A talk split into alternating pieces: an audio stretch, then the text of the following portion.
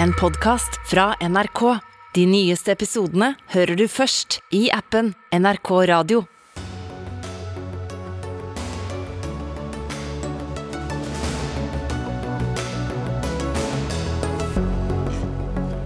Putin har fått grønt lys av nasjonalforsamlingen til å bruke militærmakt utenfor Russland, og sier fredsavtalen i Øst-Ukraina gjelder ikke lenger.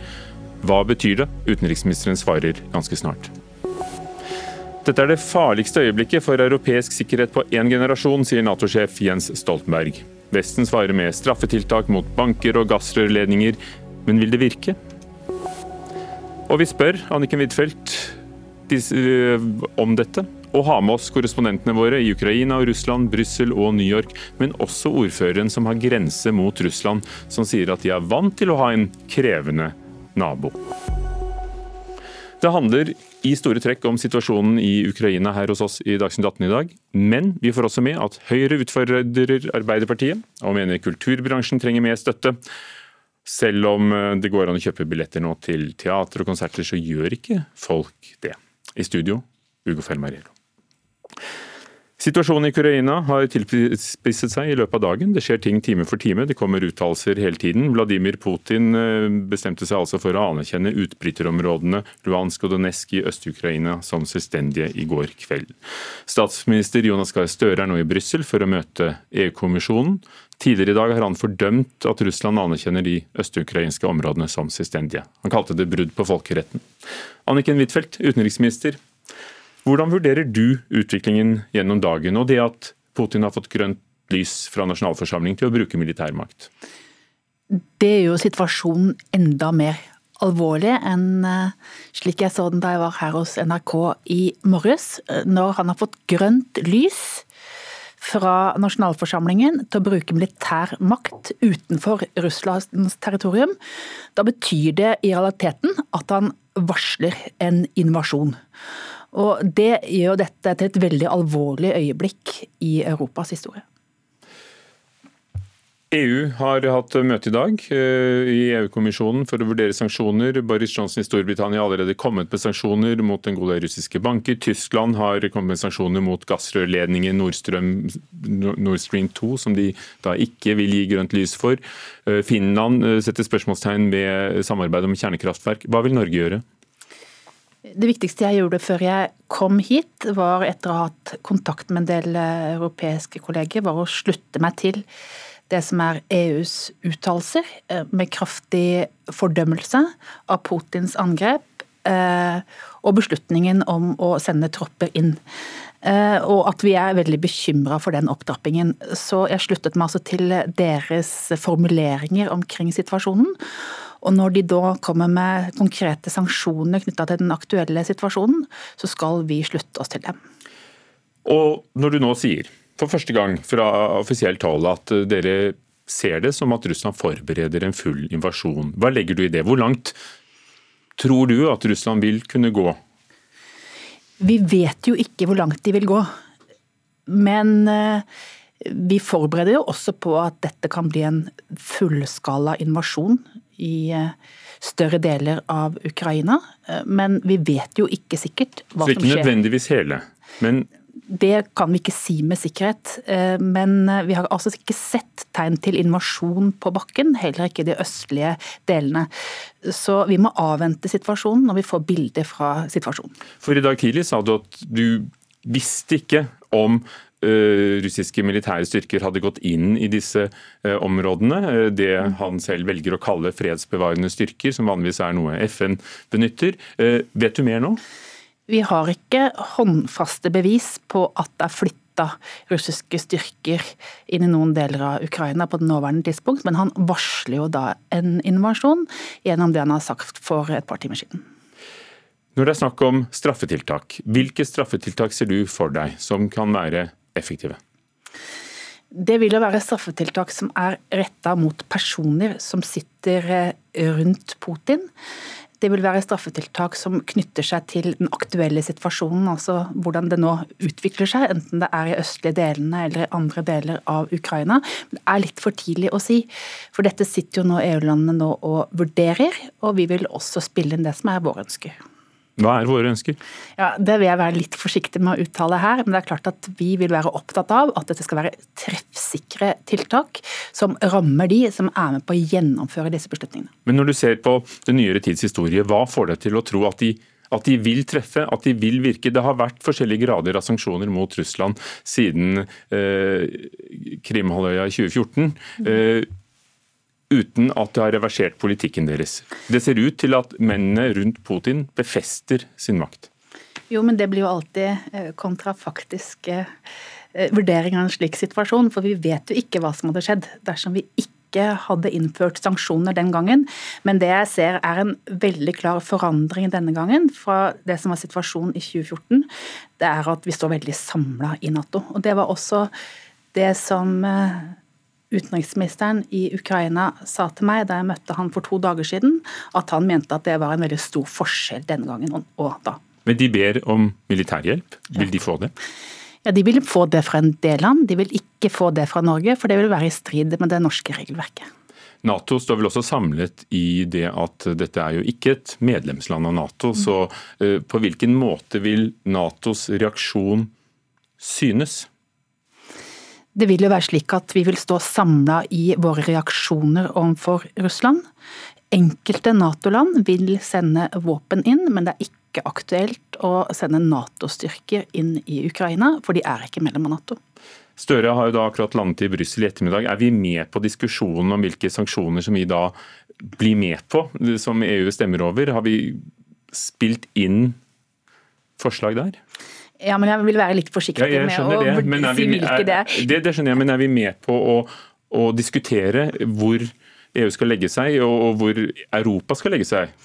Ja, vi er jo ikke så veldig uenige med land som står oss nær, Danmark, Sverige, Finland i disse spørsmålene. Og det er jo slik i en internasjonal krise at når det er en møter i Nato, så holder jeg nært kontakt med Sverige og Finland. Og når det er møter i EU, så holder Sverige og Finland til gjengjeld meg løpende orientert, slik at vi sørger for at det er god informasjonsflyt. Og så skal jeg også ha en telefonsamtale med den britiske utenriksministeren etter denne sendingen, slik at det er viktig å ha samtaler med allierte i en slik krise. Ulf Sverdrup, direktør ved Norsk utenrikspolitisk institutt. Tror du sanksjoner, straffetiltakene eh, som kommer fra EU vil eh, virke, eller hvordan tror du de vil virke? Boris Johnson har allerede sagt eh, at fem russiske banker vil bli rammet, f.eks. Ja, sånn generelt så er at disse sanksjonene er jo ment å på ene siden være avskrekkende. Men det er åpenbart at de har ikke virka avskrekkende så langt. Så da kan man, da man si at disse sanksjonene er ment å bidra til å øke prisen, øke kostnadene for eh, Putin og hans regime, for hans politikk. Og Det vil ofte ta veldig lang tid, eh, og eh, det er litt uklart hvordan de vil virke. For det vi har sett siden det ble vanskelig f.eks. med matimport, er jo at Russland har utviklet sin eh, innenlandske produksjon, knyttet sterkere bånd til Kina, eh, og at eh, stort sett da mennene rundt Putin fortsatt sitter der i hans krigsråd. Ja, Det er åpenbart at de sanksjonene som var innført etter Krim, ikke førte til sånn korrigering av Putins atferd, og de har ikke endra noe som helst, egentlig. Og, og, sånn som du sier, Russland har bygd opp en ganske betydelig økonomisk buffer og motstandskraft, og de har håndtert eh, disse eh, sanksjonene i og for seg ganske godt. Eh, det som nå er snakk om, er jo mye mer omfattende sanksjoner. Som dels er å ha flere personer som er Eh, eh, øremerka som får restriksjoner på reise og fryse sin formue. Også handelssanksjoner og restriksjoner. Men det kan også komme spørsmål på eksportrestriksjoner for høyteknologiprodukt. Dette er ting som både NATO, eller USA og EU diskuterer.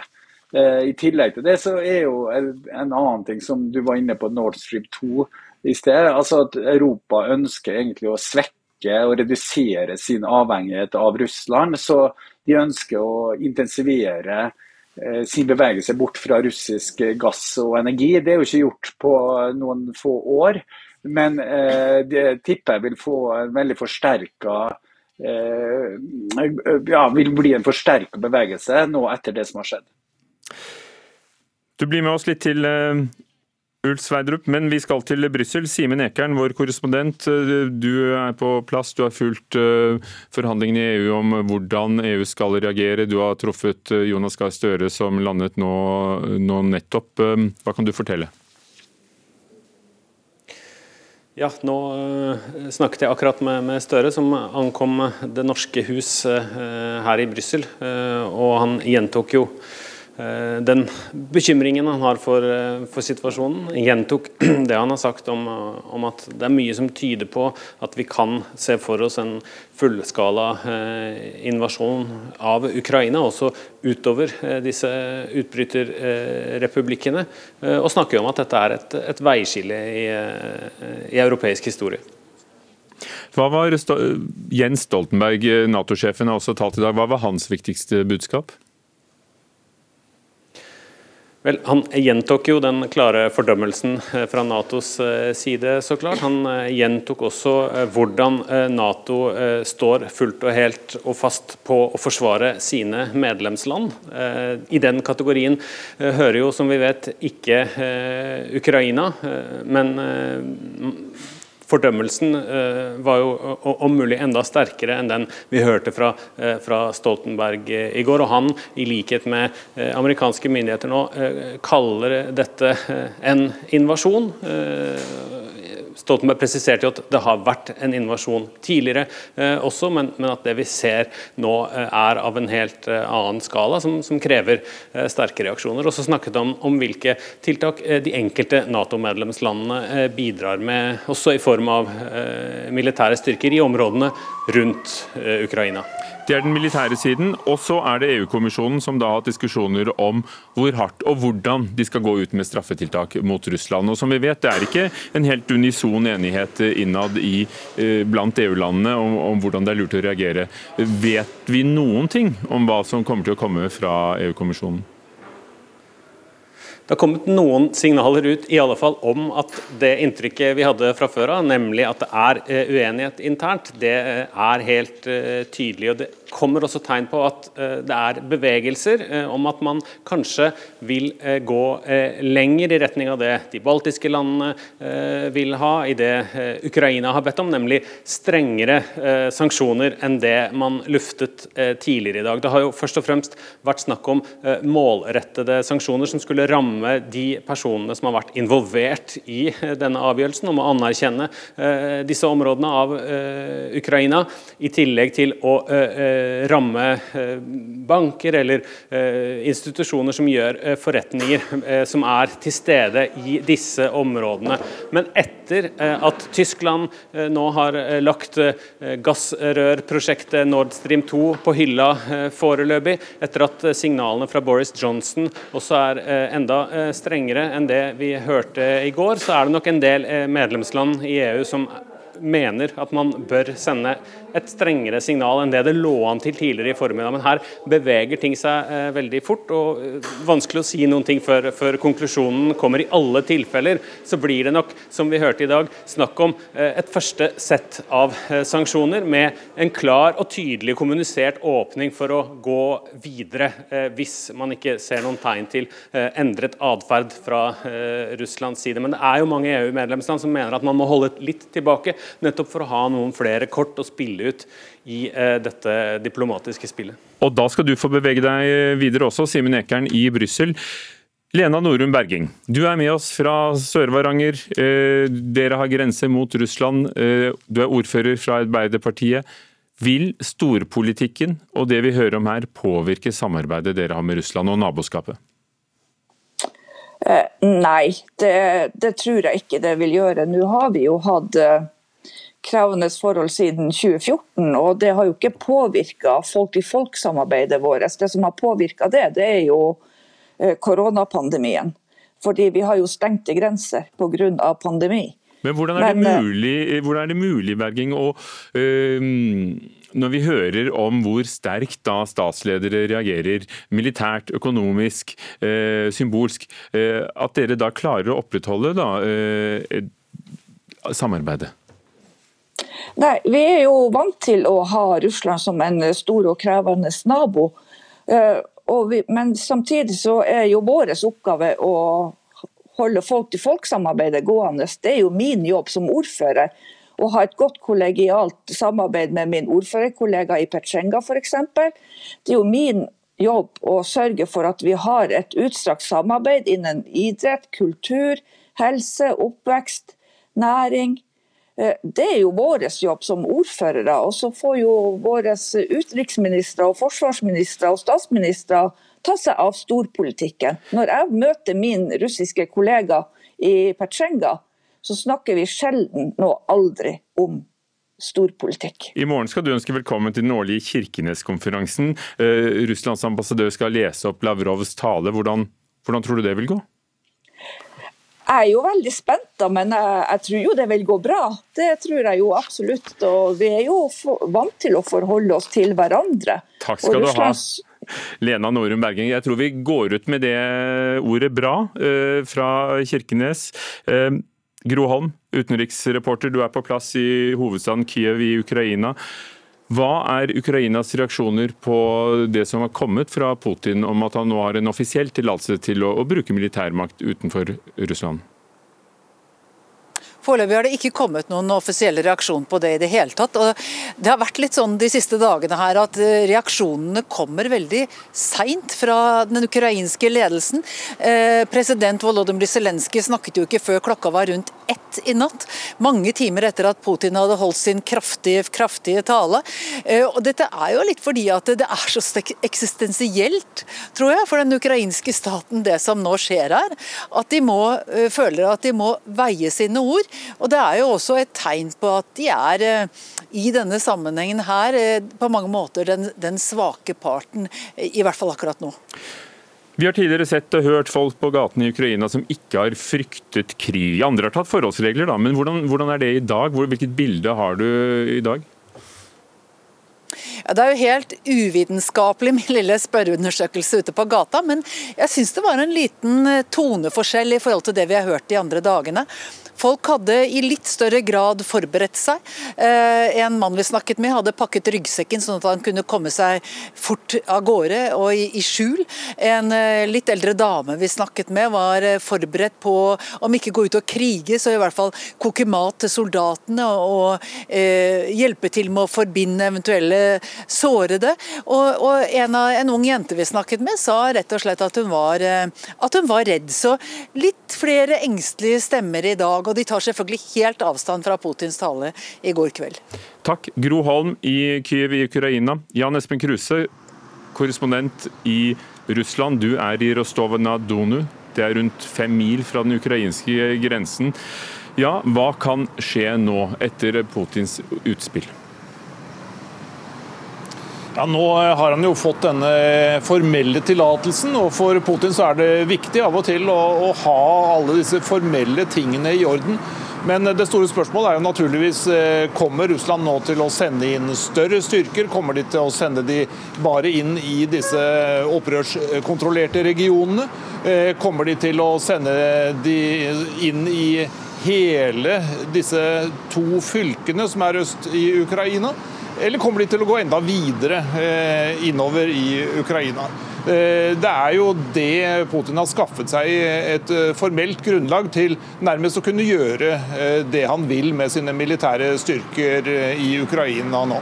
Etter du vet, Hvor står de styrkene som han da velger å kalle fredsbevarende nå? Er de gått inn i disse områdene som de anerkjenner, eller ikke? hvilken informasjon har du, for det virker uklart? Ja, det er uklart. Eh, fra russisk side så blir det sagt at eh, de såkalte fredsbevarende styrkene ikke er sendt inn ennå. Fra vestlig side blir det sagt at eh, de var på vei inn i går. Fra tidligere, altså helt siden 2014, så har jo russerne støttet veldig opp rundt disse, disse separatistene, opprørsstyrkene, økonomisk, militært og politisk. sånn at I hvilken grad dette gjør en stor forskjell, er vanskelig å si. Det er vanskelig å si hvor mye mer, hvor mye større militære styrker som blir eh, sendt inn i Ukraina etter dette. Men eh, det ligger jo an til at eh, det vil bli en økning. Takk, Jan Espen Kruse i Russland, på grensen rundt 50 km fra Ukraina. Tove Bjørgaas i Washington DC. Klokken 19 norsk tid skal Joe Biden komme med sine reaksjoner. Er det kommet noe ut fra Det hvite huset ennå? Ikke eh, noe annet enn én viktig ting, og det er at den assisterende sikkerhetsrådgiveren til Biden sa i flere intervjuer i går kveld og i morges her at, at det som skjer nå er praktisk talt en invasjon. Og Det var det vi hørte Simen Ekern snakke om tidligere her, at, eh, at det, det, sier også Natos generalsekretær Stoltenberg nå. Så, og Det vil jo definere hva USA vil gjøre videre nå. Så Det alle venter på er jo her som jeg står utenfor Det hvite hus og, og, andre steder, hva Biden kommer til å si i denne talen sin eh, klokka 19. Kommer det flere sanksjoner allerede da mot Russland? Hva slags militærstøtte er det USA planlegger å bidra med? Eh, hvordan definerer de konflikten? Mange, mange ubesvarte spørsmål. For Lavrov, Russlands utenriksminister, sier jo da at Ukraina ikke er en suveren stat. Eh, eh, er det noe Det hvite huset har kommentert? At ikke de ser på det som en egen stat? Eh, de tar avstand fra, fra, slike definisjoner og mener at det som skjedde i går da eh, Putin eh, anerkjente disse to republikkene, er et klart brudd på fredsavtaler, denne Minsk-avtalen. og blant annet, og, og, at for USA så er absolutt Ukraina en, en, en suveren stat. Dette er jo i stor grad også en en kamp mellom Russland og USA, det som skjer nå. Eh, og Her skrives det med veldig veldig store bokstaver nå i avisene. Man sammenligner det som skjer med den kalde krigen og sier at dette er den største konfrontasjonen mellom USA og Russland på over 30 år. Eh, det skrives om hvordan hele sikkerhetsarkitekturen i Europa kan forandre seg med dette. Hva hvis Russlands yttergrense skal gå ved Polen og ikke ved Ukraina? Hva vil det få å si for Nato og for europeiske land, og ikke minst da selvfølgelig for USA? Og hva slags ansvar ansvar de må ta for sikkerheten i Europa. Så, så dette er en, en, en en ja, det, brukes rett og slett veldig veldig store ord her nå. Og, og det mange også har pekt på ja. Tove Bjørgaas i Washington DC. Store ord. Det kommer flere ord fra Det hvite hus nå klokken 19. Vi følger jo selvfølgelig situasjonen utover i Dagsrevyen rett etter Dagsnytt 18. Anniken Huitfeldt, du har sittet og, og, og fulgt med. Eh, er Ukraina havnet i det som er en konflikt mellom Russland og USA? De har havnet i en situasjon eh, hvor eh, de har eh, fått avtale med Russland og andre land i 1994 om at de skulle bli en selvstendig stat mot at de ga fra seg atomvåpen. Og Det er det nå Russland endrer på. Så Det er ikke USA som har satt i gang dette. Det er Russland som har satt i gang fordi de ikke respekterer avtaler de tidligere har inngått. Så kaller da USA det som allerede har skjedd for en invasjon. Er du enig i det? Er det, er det en invasjon vi har vært vitne til hittil? Du sier at uh, du ser grunnlag uh, for at de kan komme til å gå til en full invasjon, eller en større invasjon. Men er det allerede en invasjon? Det er mulig at amerikanerne har mer informasjon enn det jeg sitter på, men det er jo helt klart at det Putin nå sier, er et varsel om en invasjon. Så det har blitt mer alvorlig i løpet av de par siste timene. Ser du for deg at situasjonen kan bli mindre spent. Hvordan ser du for deg at det skal kunne skje? Vi forsøker jo hele tiden å appellere til diplomati, til samtaler, og vi bruker jo alle kanaler for å få til dette nå. Eh, slik at ja. vi jobber jo hele tiden for dette. Og det har vi jo gjort, og det sier jo også Russland at de har gjort. Det er i hvert fall ordene. Blir ordene viktige også? Ordene ja, som velges? Ja, og det er jo derfor det ut er veldig sånn forsiktighet fra Ukrainas side her. De opplever jo provokasjoner, men de svarer jo ikke aggressivt tilbake. Og Det står det veldig stor respekt av i den situasjonen vi har havna i. De vil ikke gi Russland noe påskudd for å angripe. Eh, slik at det fulle ansvaret for denne situasjonen ligger nå på Russland. Anniken Huitfeldt, utenriksminister, takk for at du var med.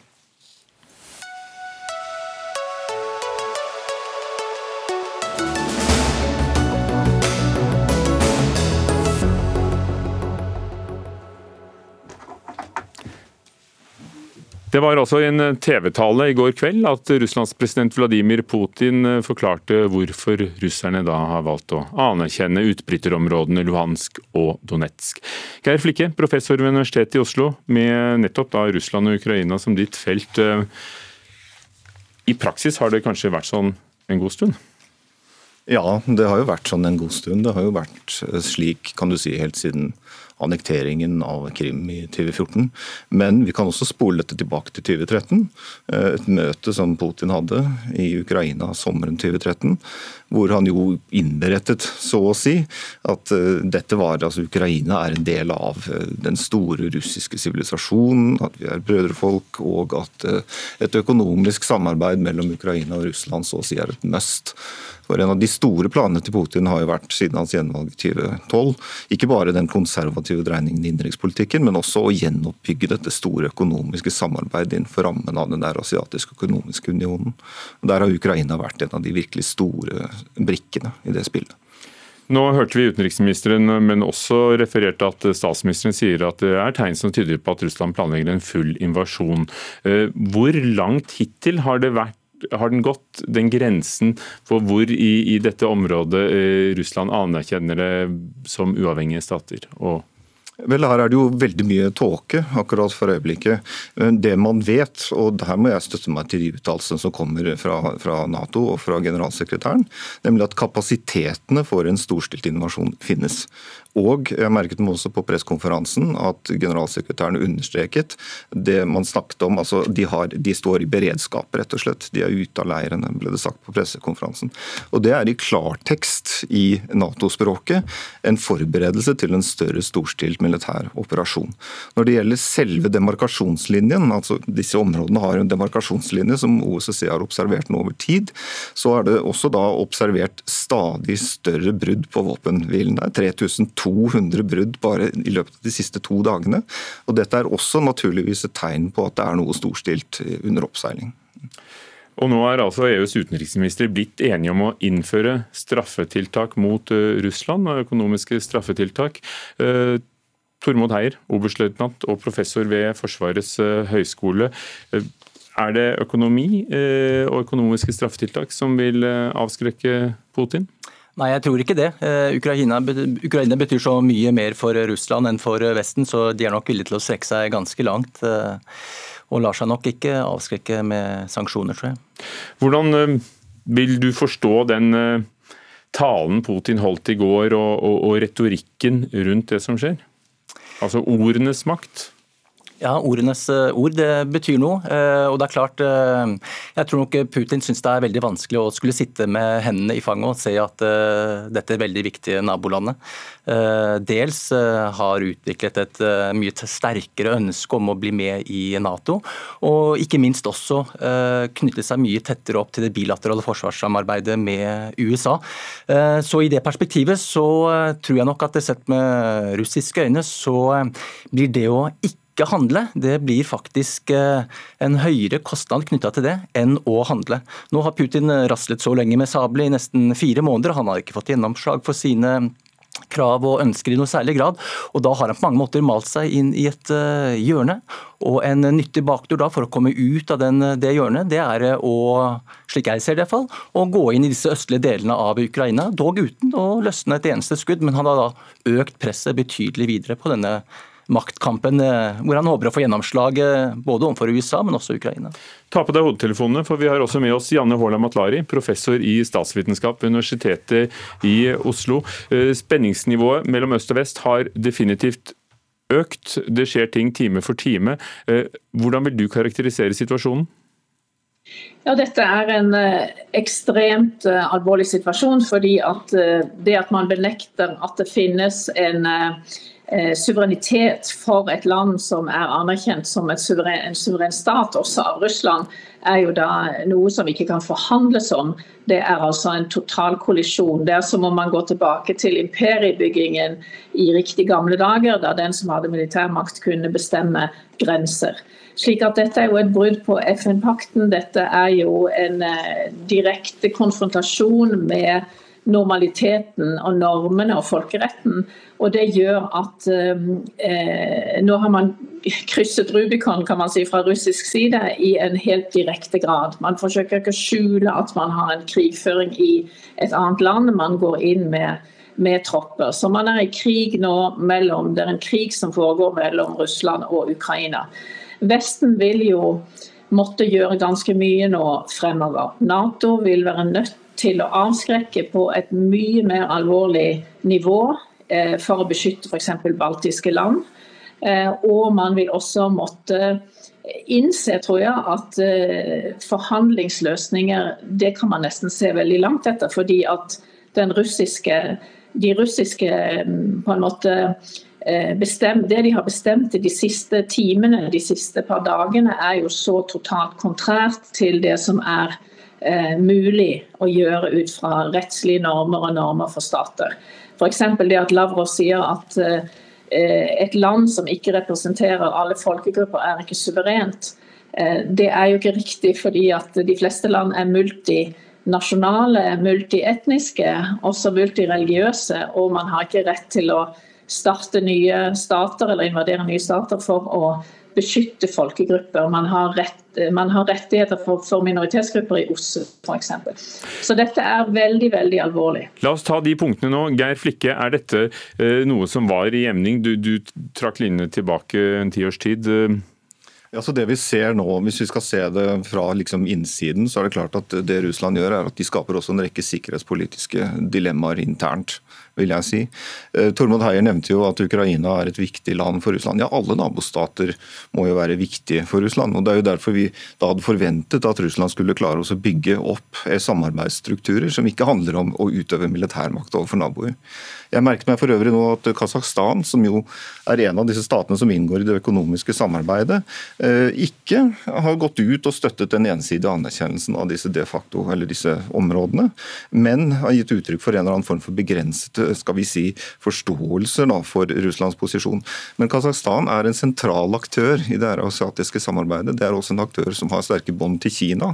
Når de sender et slikt signal, så er det klart at her ligger det jo en reservasjon i bånd fra Kasakhstans side, som handler om at vi vil jo heller ikke eh, kunne godkjenne at russerne bruker militærmakt i de områdene hvor det er ustrøtt russisktalende. Så, så disse sikkerhetspolitiske dilemmaene de reproduserer faktisk Russland selv nå. Altså, ikke sant? Og Da nytter ikke å legge skylden på Vesten. Tormod Eier. Hvordan ser du for deg at Nato reagerer? Jens Stoltenberg kaller det et eh, historisk eh, farlig øyeblikk, men, men hvordan skal de reagere? Det er ikke et Nato-land? Nei, nettopp. Så Det viktigste for, for, Nato tror jeg, det er først og fremst å holde alliansen sammen. For det er den største sårbarheten i en allianse som består av 30 vidt forskjellige medlemmer. Og den, Det samholdet det har jo blitt eh, utrolig mye sterkere etter at de nå står overfor en mer samlende trussel fra, fra Russland. Nå er ikke trusselen direkte rettet mot eh, Nato-landene, men så den viktigste oppgaven for Nato nå tror jeg, det er rett og slett å gå inn i de Nato-landene som ber om å få støtte, slik at de blir beroliget ved å vise at eh, Nato-limet holder sammen. Og Der tror jeg nok at Nato på mange måter har lært en lekse fra sist gang, i 2014. Da tok det jo seks måneder før det klarte å stables på bena styrker som kunne komme Baltikum og Polen til unnsetning etter at de ba om det. Noe som igjen genererte mer bilaterale forsvarssamarbeidsavtaler med USA, fordi de prosessene gikk mye raskere enn å skulle kjøre gjennom Nato. Nå virker det som det har blitt mye bedre. Matlari, mener du også at det er slik Nato kommer til å reagere, og kanskje bør reagere? Ja, Nå er det ikke noe valg for Nato. Man er nødt til å avskrekke eh, mye tydeligere og være veldig nøye på avskrekkingen. Det store spørsmålet blir jo fremtidige nye medlemmer, medlemmer av Nato. Altså Finland, Sverige, eh, Bosnia er på den listen. Eh, vil Nato våge å utvide? Eh, det er jo blitt et, en veldig stor hodepine. For Det ligger vel en fare i eskalering unnskyld at jeg avbryter, men det ligger vel en fare nettopp i, i, eska, i eskalering? At nettopp moderasjon også kan være formålstjenlig? Eller ikke? Ja, ja, men dette er jo en strategisk eh, konsekvens eller logikk. da, ikke sant? At man må i alle fall sørge for at artikkel 5 for medlemmene er reell. Men uh, utover det så er jo det store spørsmålet uh, skal man se på at Russland da kanskje bit for bit bygger en interessesfære gjennom å anerkjenne deler av andre land, f.eks. i Moldova, Transnjester. Uh, man kan tenke seg en anerkjennelse, løsrivelse av serbska fra Bosnia. Føderasjonen, altså Det er mange kandidater for denne type logikk som vi har sett i Georgia i 2008. Geir Flikke, Vi snakker hele tiden om, den, eh, om hvordan sanksjoner f.eks. virker på, på, Putin eh, og på styret i Kreml. Men vil det føre til at folket i større grad vender seg mot makthaverne, mot Kreml, mot politikken, som har vært nettopp å true med det militære overfor naboer? Ja, Nå har jo Storbritannia varslet eh, personrettede sanksjoner eh, mot eh, Timchenko og Rotenberg-brødrene. Dette er medlemmer av Putins innerste krets, som har fulgt han helt fra St. Petersburg-perioden, og kanskje tidligere enn det. I tillegg så er det en interessant bank som står på listen over disse fem bankene, det Bank Raisia, som på mange måter er elitens skal vi si, sparebøsse, som egentlig da har saltet ned veldig mye av de midlene som er blitt oppspart i denne eliten, denne engere kretsen av, av Putin Putin-folk over tid. Så disse sanksjonene fra Storbritannias side de er målrettede. Eh, det er vel primært uh, igjen et forsøk på å vise kostnadene ved det som nå utspiller seg for eliten.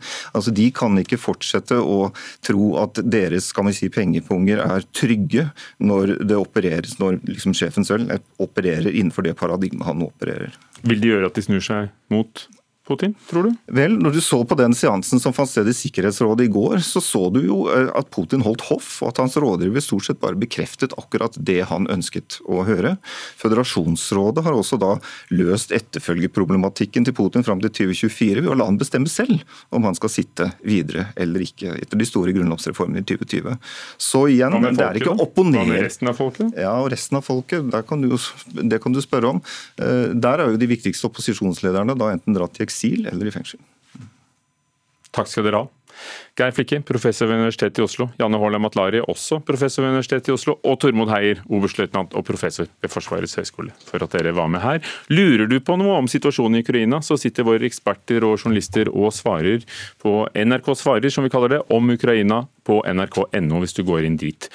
Og I løpet av Dagsnytt 18 skal vi også tilbake til Ukraina og møte to ukrainere som bor i Norge og de skal fortelle om hvordan de opplever hva som skjer i hjemlandet.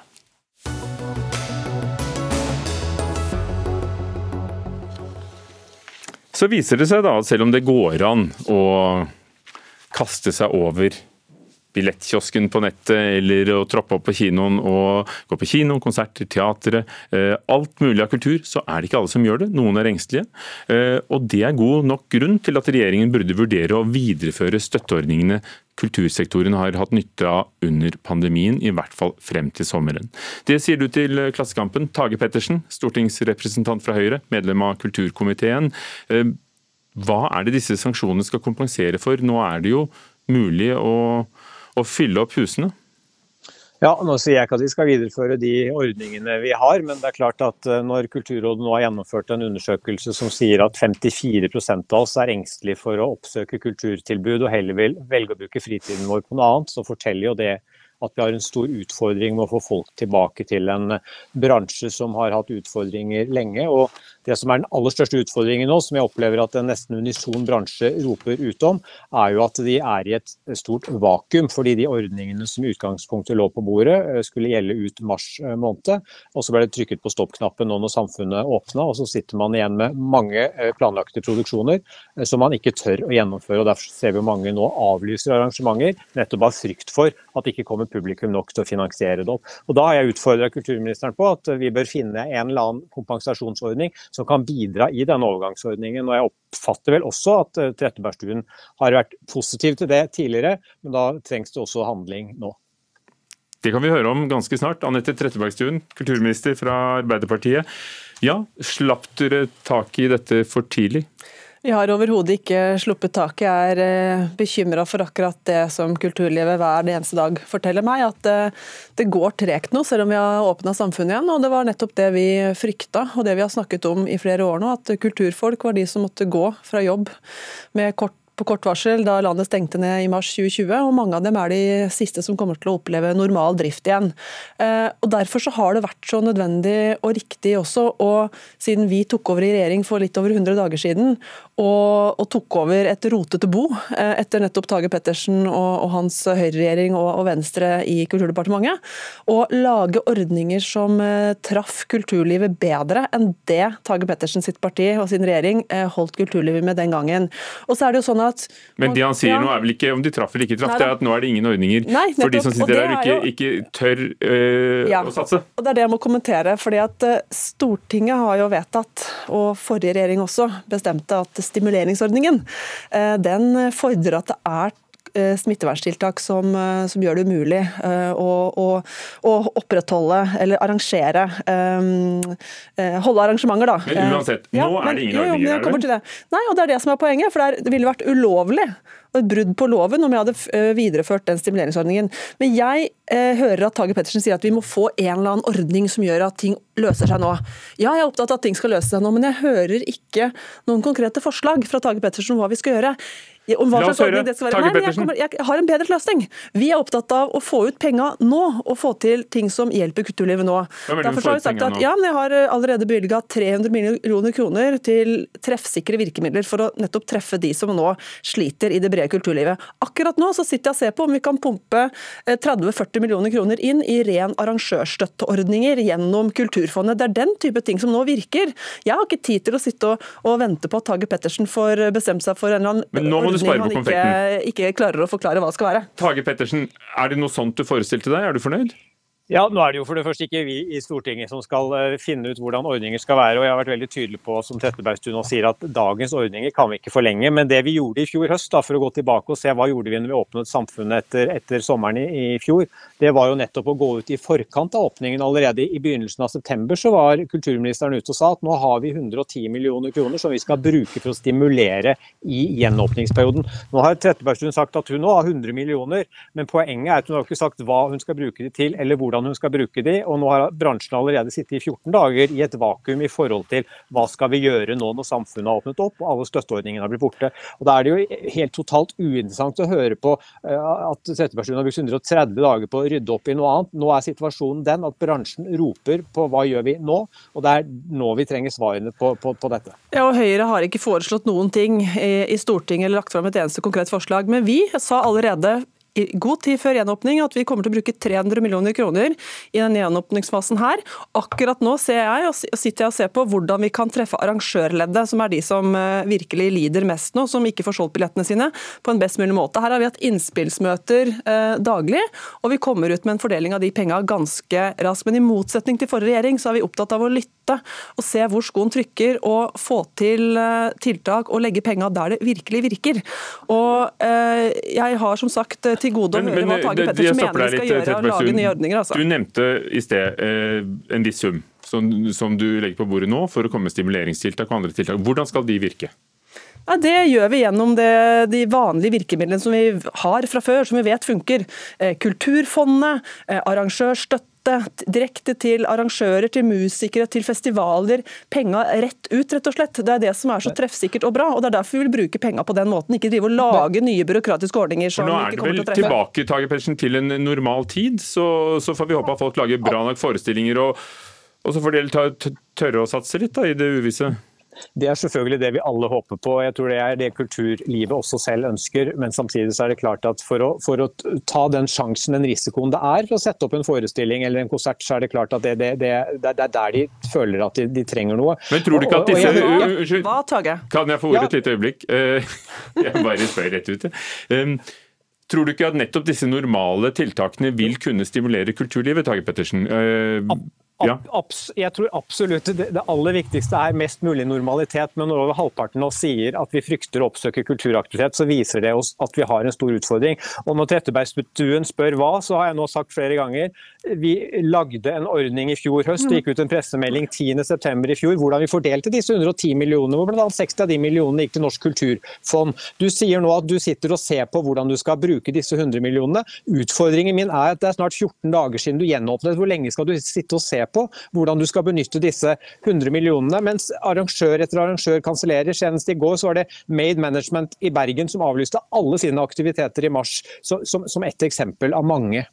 Det er fordi at vi snakker med de som nå opplever kanselleringen og som nettopp opplever sviktende billettsalg, for å få de penga ut på en mest mulig treffsikker måte. De 100 imot, millionene som skulle imot, vært i overgangen? Ja, imot, nei, det er 300 millioner til sammen, men 100 millioner nå som vi har holdt igjen, som, skal, som vi skal prøve å få direkte til arrangørleddet. Nettopp for å hjelpe de eh, som nå lider mest. Hvordan skal du sortere hvem som trenger ja, men dette, er jo, jo, men dette er jo søkbare ordninger eh, som vi har lang og god erfaring med at treffer riktig, og som håndteres av eh, Kulturrådet, rett og slett. Så Det er en enkel og ubyråkratisk ordning. Men i motsetning til forrige regjering, så lytter vi og har dialog med kultur... Nei, men dere, dere, har, dere, gjorde ingenting Tage Pettersen, for å forbedre de ordningene. Vi har lytta, vi har forbedret kompensasjonsordningene. Den ligger der fortsatt i sommeren dersom det skal være nødvendig med smitteverntilsek.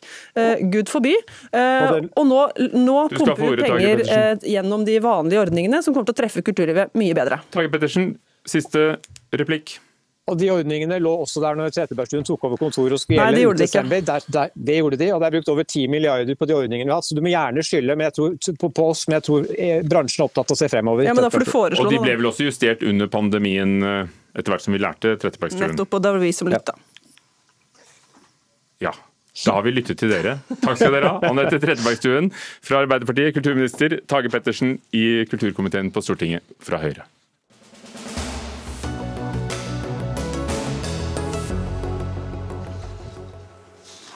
Skal 16-åringer stemme? Ja, det spørsmålet mm, håndterer vi en gang iblant, fordi forslaget kom på bordet, og nå sist fra Troms Arbeiderpartiet, der årsmøtet enstemmig gikk inn for å gi stemmerett til 16- og 17-åringer i kommune- og fylkestingsvalg, sånn som det ligger på bordet nå.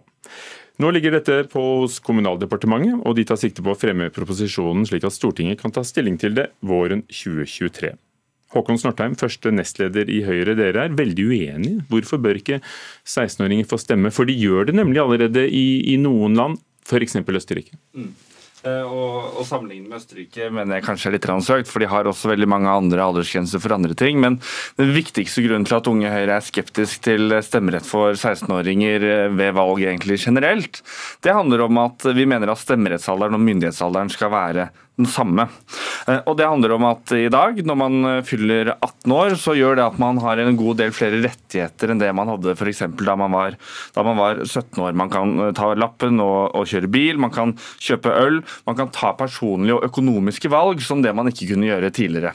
Og Derfor mener vi at det bør være en sammenheng mellom det, altså at myndighetsalderen og stemmerettsalderen bør være den samme. Astrid Hoem, leder i AUF. Dere kaller det en demokratireform. Ja, og vi er veldig for å innføre 16-årig stemmerett i kommune- og fylkestingsvalg. og Det handler om at det er dem i den aldersgruppa som også bruker de fylkeskommunale tilbudene og de kommunale tilbudene i aller størst grad. Det er dem som går på skolen, det er dem som tar bussen, det er dem det går utover hvis ungdomsklubben stenger. Det er dem som bruker nærmiljøet i aller størst grad. Men Dere vil ikke gå videre og, og foreslå det ved stortingsvalg, som er en mye lengre prosess, vi vet det. Men, men, men eh, har dere tenkt på det? Altså, Vi kan være også åpne for det, men det som er på bordet nå, det er jo 16-årig stemmerett for i kommunal- og fylkestingsvalg. og Der tror jeg det er veldig viktig at også unge som, som bor i kommunene, som bor i fylket, har muligheten til å påvirke framtida for kommunen sin. Og så er det jo bekymringsmessig at over tid så har man sett at unge er mer og mer bekymra for framtida. Og jeg tror også at det å være med på å bestemme framtida gjør at du kanskje blir litt mindre bekymra sjøl, for da har du også en saying i hvordan det skal gå med kommunen din, og hvordan du skal gå med fylket ditt. Og så vil jeg bare svare på også det Unge Høyre sier med at myndighetsalderen og stemmerettsalderen må være den samme. Altså er du 13 år i dag, så må du skatte hvis du kjenner over frikortsgrensa. Er du 15 år, så kan du bli stilt kriminelt ansvarlig. Altså, det er ganske mange behov, det er ganske mange ting som også slår inn før man fyller 18, og da mener jeg også at det er riktig at man får stemmerett. Og selv om du er 18, så kan du ikke gå ut og bestille en konjakk, f.eks. Så det er ikke alltid samsvar. Nei, og det vil jo unge gjøre noe med, så det hadde jo vært veldig fint. Men det jeg syns er litt utfordrende med AUF sin uh, argumentasjon, er jo egentlig at det er en ganske inkonsekvent politikk, da. For det gjør jo at én uh, ting er at man da skal kunne stemme når man er 16, og man vil fortsatt AUF er jo også mot eller for å innføre aldersgrense på enkelte kosmetiske inngrep. Den aldersgrensen skal plutselig være 18. Eh, fortsatt, det var Arbeiderpartiet som innførte 18-årsgrense på solarium. og det som, kunne, det som, vil kunne, være konsekvensen med dette forslaget, vil jo være at man kan stemme over om en vei skal bygges eller ikke, men man får ikke nødvendigvis lov til å kjøre på den. Man skal kunne stemme over om det skal kunne bygges en skole, men også om Arbeiderpartiet og fjerner fritt skolevalg rundt om i hele landet, så kan ikke elevene selv velge å gå der engang. Og Det gjør jo at man kanskje bør ta en liten runde på hva er det viktigste at vi gir de unge i samfunnet vårt. Og da mener jeg i hvert fall at de mer ja, grunnleggende tingene, som eh, at man kan velge skole selv, er ganske viktig. Men da beviser jo egentlig Unge Høyre poenget mitt. Vi har ulike aldre for ulike regler i Norge, og det er ikke den viktigste grunnen til å innføre 16- og 17-årig stemmerett i kommune- og fylkestingsvalget. Men dere har også ulike som... arenaer å, å, påvirke på, altså alt fra elever og til, til nettopp partienes ungdomsorganisasjoner? Absolutt, men det er også 16- og 17-åringene som i størst grad bruker det kommunale og fylkeskommunale tilbudet. Og det mener jeg også er en ekstra viktig, at de også har stemmerett i å kunne bestemme hvordan det skal gå i kommune- og fylkestingspolitikken. og det er også kanskje kanskje en, eh, en insentiv til å flytte hjem, fordi man har vært med på å bestemme over framtida til sin egen kommune. Det har jo vært et forsøk for noen år siden i 20 kommuner ved to valg, og det viste seg at flere unge ble valgt inn. Og for deg da, som er eh, første nestleder i Unge Høyre, gjorde deg til, til nestleder i Høyre, men, eh, men ikke ennå. Er ikke det et poeng nettopp at vi dyrker politisk interesse blant ungdom, og at den faktisk kan påvirke? Jo, og det, og det, er egentlig veldig bra, men vi ser jo også nå, nå har vi det yngste stortinget i norgeshistorien. Og det er vi klart fortsatt med en stemmerettsalder som er den samme som myndighetsalderen. I Bærum f.eks. er unge høyre folk, altså representantene fra Høyre med unge høyre-bakgrunn, nesten flere av de. Det er Arbeiderpartirepresentanter i kommunestyret. Så man, man, klarer på en måte å løse dette på ganske mange måter. Men jeg er egentlig helt enig i det du sa, at eh, man må jo ikke tenke at dette er mennesker som står utenfor demokratiet vårt. De er absolutt en del av demokratiet vårt med at de kan ta del i ungdomsråd. de kan melde seg inn i Unge Høyre, i Sosialistisk Ungdom. Elevorganisasjonen, som kanskje har vært en av de mektigste organisasjonene i skolepolitikken i løpet av pandemien. Så det viser jo at man fortsatt klarer å ta de hensynene man skal gjøre. Og så vil det alltid være noen som kanskje ikke er like godt representert i demokratiet vårt. Det vil være noen utfordringer med det, men jeg er ganske skeptisk til å begynne å finjustere valgsystemet vårt, nettopp for å sikre den eh, representasjonen, fordi det kan bli vanskelig på sikt. Jeg mener at det er helt riktig at unge både kan benytte seg av stemmeretten når man er 16-17 år og bli valgt inn i kommune- og fylkesting. og jeg tror også og det er en viktig... Bli valgt inn altså, du ja, vil være, at de skal være sammen. valgbare. For sånn sammen. var det jo ikke da, da, det ble prøvd sist. Nei, det var en prøveordning der det kun var stemmerett, men det skal henge sammen. Du må også kunne stille til valg hvis du skal kunne stemme.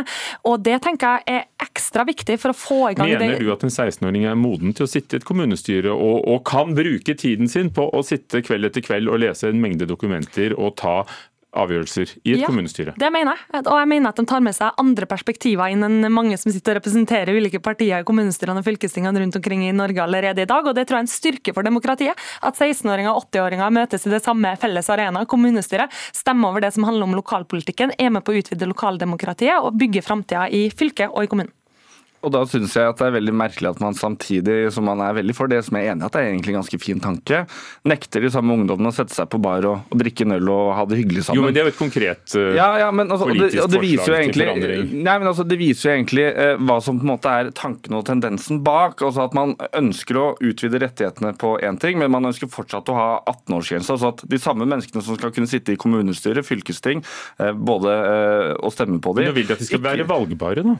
Nei, altså det, Jeg mener fortsatt at vi skal ha at uh, samme alder for myndighets, uh, altså at myndighetsalderen og stemmerettsalderen skal være den samme. 18 år. Det funker veldig fint i dag, og jeg mener at det skal vi også fortsette å ha i tiden fremover. Og Jeg tror ikke det å redusere stemmerettsalderen til 16 år nødvendigvis er løsningen. Astrid Uem, tror du at dere vil få et flertall neste gang valgloven skal opp? Jeg håper det, og jeg ser at flere og flere blir positive til det. Og jeg mener også at man må trekke fram de andre aldersgrensene man har, og de pliktene som uh, man har allerede når man er 16, både med å skatte måte, og at man er i den kriminelle lavalderen. Så jeg mener helt innafor at de også skal få lov til å være en del av demokratiet når vi stemmer på kommune- og fylkestingsvalg. Går nå. Takk skal dere ha.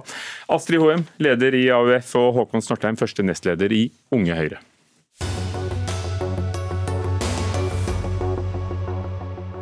Vi skal tilbake til konflikten rundt eh, Russland. Nå sier Russland at de vil eh, evakuere sine diplomater fra Ukraina. Og Frankrike har eh, avlyst møte med den russiske utenriksministeren som skulle funnet sted på fredag.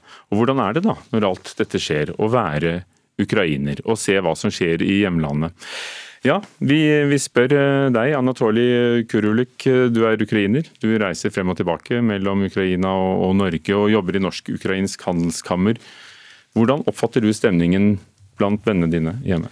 Ja, det er selvfølgelig ubehagelig å se Ukraina omringet av eh, russiske tanks. Eh, og veldig stressende situasjon for alle som bor der. Men samtidig så har vi kontakt med 120 medlemmene eh, våre i handelskammeret som jobber eh, daglig, som går på jobb og eh, fortsetter å holde drift i de selskapene som er der. Terskel som ukrainere har til panikk er mye høyere, fordi Ukraina har levd i, i konflikten i åtte år.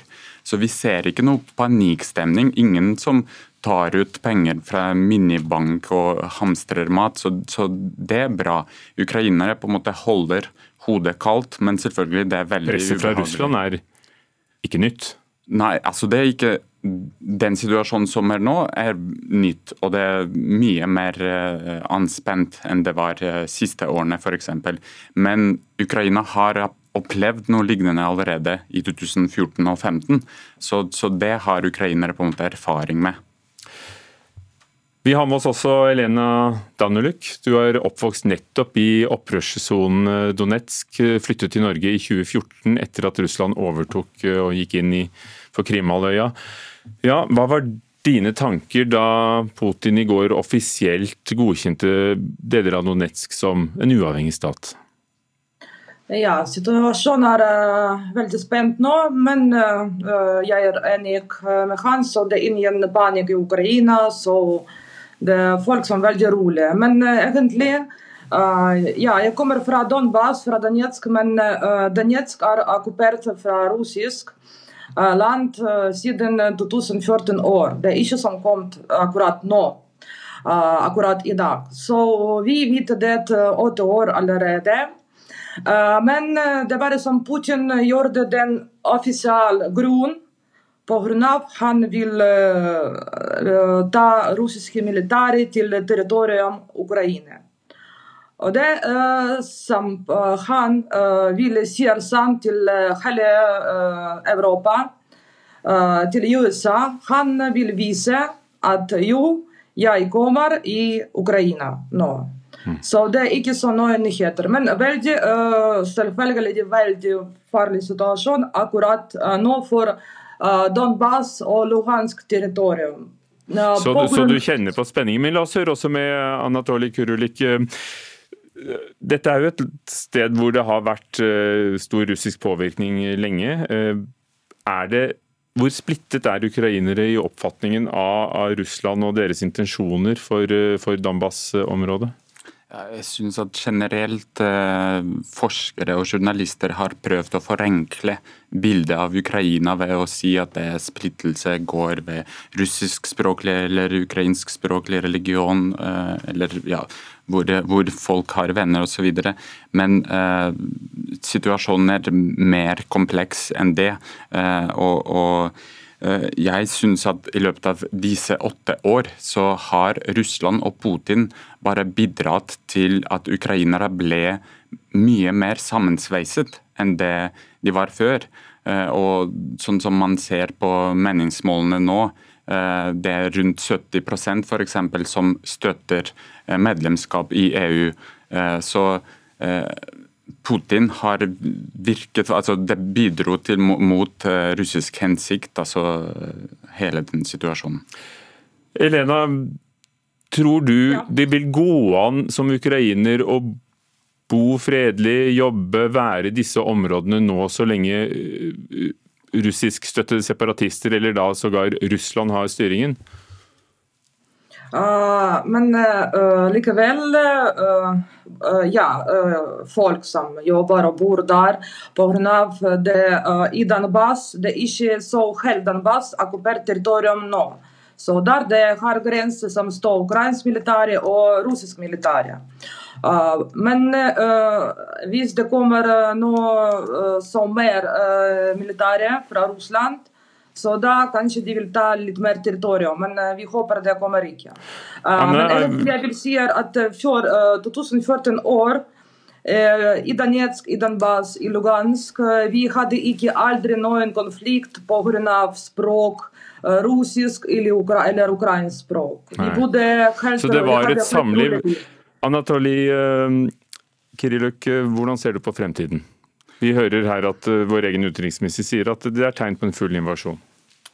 Ja, det er selvfølgelig uh, ubehagelig å, å, tenke på det, men uh, jeg håper at det er fortsatt mulighet for å løse den konflikten på en diplomatisk måte. Og jeg syns at Norge og EU bør øke hjelp til Ukraina, både økonomisk og politisk. og som eh, jeg som jobber i Norsk-ukrainsk handelskammer, eh, skulle ønske at norsk næringsliv tok mer ansvar for det. Takk skal du ha, Anatoly Kiriluk, og takk til Elena Daniluk. Dette var Dagsnytt 18. Frode Thorshaug var teknisk ansvarlig, Gro Arneberg produsent, Ugo Fermarello programleder.